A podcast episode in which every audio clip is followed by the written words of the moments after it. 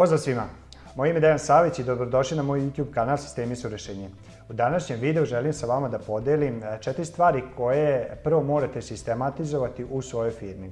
A, kao što vidite, ja se ovim putem i ovim putem ovih videa trudim da zaista se pokrenete i da shvatite važnost toga da počnete da kreirate i dokumentujete sisteme u, u firmi, jer u suštini vaša firma je jedna velika mašina koja se sastoji od tih manjih celina ili podsistema i vaša jedina uloga je da napravite operativno upustvo, da ga izbacite iz svoje glave i da ga stavite na papir ili na primjer trail koji mi koristimo da bi drugi ljudi mogli odraditi istu tu stvar i ostvariti istan, isti rezultat kao što vi ostvarujete. To je prvo. E sad, ako ste kupili tu moju ideju da zaista je važno kreirati i e, sve sisteme i procese u firmi, i dokumentovati ih. Druga stvar je i drugo pitanje koje verovatno sebi ćete postaviti, odakle da počnete. I ovde želim sa vama da podelim koje su to četiri stvari e, kako da odredite e, odakle da počnete. Prva stvar koju trebate sistematizovati u firmi je stvar koja vam pravi novac. Znači, nemojte nešto, kako se arhivira neki papiri, ako imate recimo sistem dovođenja novih klijenta ili sistem marketinga. I danas, ja znam bar u mojoj branši, ali mislim da je u većini firmi da ljudi nemaju jednostavno marketing sistem koji će e, konstantno dovoditi nove potencijalne kupce, mušterije, klijente i koji će preuzrokovati da im stalno zvoni telefon. I to je prvi sistem kome se morate posvetiti, jer ako nemate kupce, nemate prodaju, ako nemate prodaju, nemate novca, ako nemate novca, nemate firmu. I zato je apsolutno prvi preduslov jeste da kreirate sisteme koji vama prave novac. Primer kod nas u firmi jeste da mi imamo smo napravili jedan sistem kod prijeme novih klijenata koji se stoji u suštini od neke checkliste od ne znam 15-20 stavki kako bismo pružili vrhunsku uslugu klijentima i kako bi oni sa zadovoljstvom ostali s nama da sarađuju i kako bi nas preporučivali drugima. I sad ja sam mogao, taj sistem sam ja izbacio iz moje glave, koleginica ga je usavršila, ali šta sam ja mogu raditi? Mogu sam jednostavno svaki put, dođe je klijent Pera, ja njemu na jedan način pričam priču, dođe klijent Žika ili Marija, na drugi i treći način pričam priču. To nije ono što želim da postignem, važna je ta konstantnost da svima pružite vrhunsku uslugu ili vrhunski kvalitet.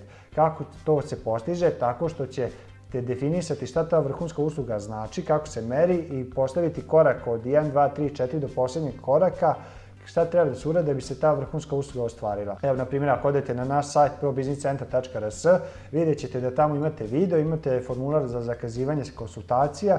Kad kliknete tamo, pojavit će vam se slobodni termini kad možete zakazati svoj termin. Posle toga kad zakažete termin, šalje vam se formular gde ćete dobiti upitnik od desetak pitanja kako bismo se što bolje pripremili za sastanak. E sad, da svega toga nema, recimo, šta bi bilo druga opcija?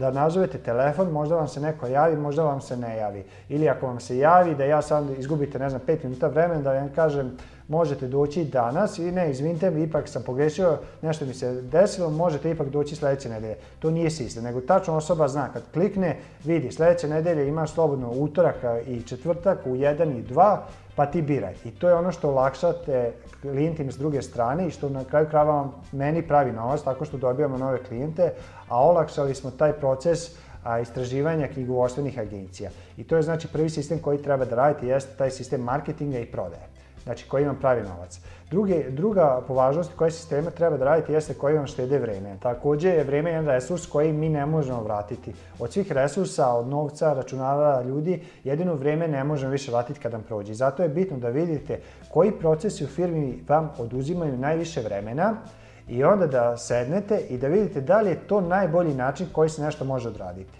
Kod nas u firmi, recimo, jedna od usluga je osnivanje privrednih društava i preduzetnika i pre e, nego što smo to sistematizovali, kod nas je to traja proces nekih 20 dana i onda isto se različ, razlikao kvalitet, recimo kod klijenta A uradimo na jedan način, kod klijenta B uradimo na drugi način i to nije ono konstantno što je potrebno. Znači, kao kad odete recimo u McDonald's, možda hrana i nije najukusnija, ali su najuspešniji lanac restorana zato što uvek daju iste hamburgere, isti ukus, isti način usluge, tako i kod vas trebate da imate uvek konstante rezultate koje klijenti mogu mogu očekivati od vas. I šta smo mi uradili? Seli smo, videli smo, pitali smo kako sada funkcioniše sistem osnivanja, prijem i osnivanja, videli smo, ok, ima to, ajde vidimo šta sve radimo, popisali smo korake i onda smo videli da li postoji bolji način koje sisteme možemo ubrzati i recimo, jednostavna stvar koju smo ubrzali, a, a, umesto da recimo kad dođe kod nas klijent jednom pa nam da sve informacije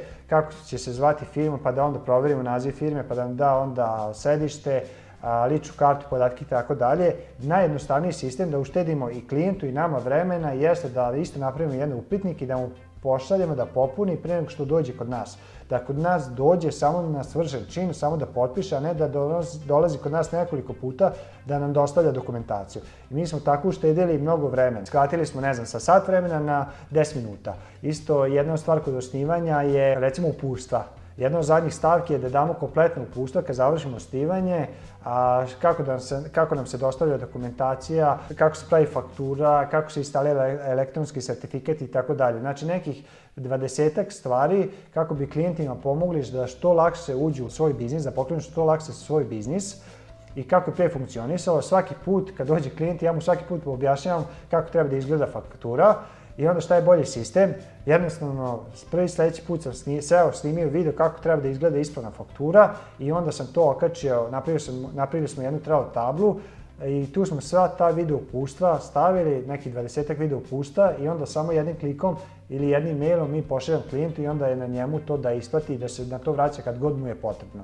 Jer tu je veliki jedan problem, ako mu sve damo odjedno, mi ćemo ga ugušiti. Naj, najbolji način učenja je da learning just in time, da učite samo ono što vam je potrebno za sledeći korak. I mi smo time postigli. Tako da je to nama značajno uštedilo vreme, a kreiralo ogromnu vrednost a, za naše klijente. Treća vrsta sistema kojima treba da se posvetiti jeste oni koji prouzrokuju lošu uslugu vašim klijentima i kupcima treba da vidite šta je ono što danas radite, a zbog čega se klijenti žale ili e, zbog čega gubite klijente. A, e, najčešće je to način komunikacije, jednostavno danas takav svet da, da svaki dan smo prednatrpani informacijama i onda se desi da vam neko nešto kaže da to zaboravite. I to je jedan lak način koji se može rešiti tako što ćete početi sve zapisivati na jedno mesto. Nemojte zapisivati na papiriće, u rokovnike, nego nađite jedno mesto po mogućnosti digitalno. Mi ponovno u firmi koristimo Trello i imamo jednu listu koja se zove Corpe gde apsolutno sve što nam klijent kaže, ako nećemo odmah uraditi, odmah tu beležimo i onda se svakodnevno ili jednom nedeljno vraćamo na to u zavisnosti roka kad treba to da se odradi. I to je, na primjer, jedan jednostavan način kako, da, kako smo povećali kvalitet naše usluge. I četvrti vid kako da, kojim sistemima treba da se posvetite jeste oni poslovi koji se dupliraju.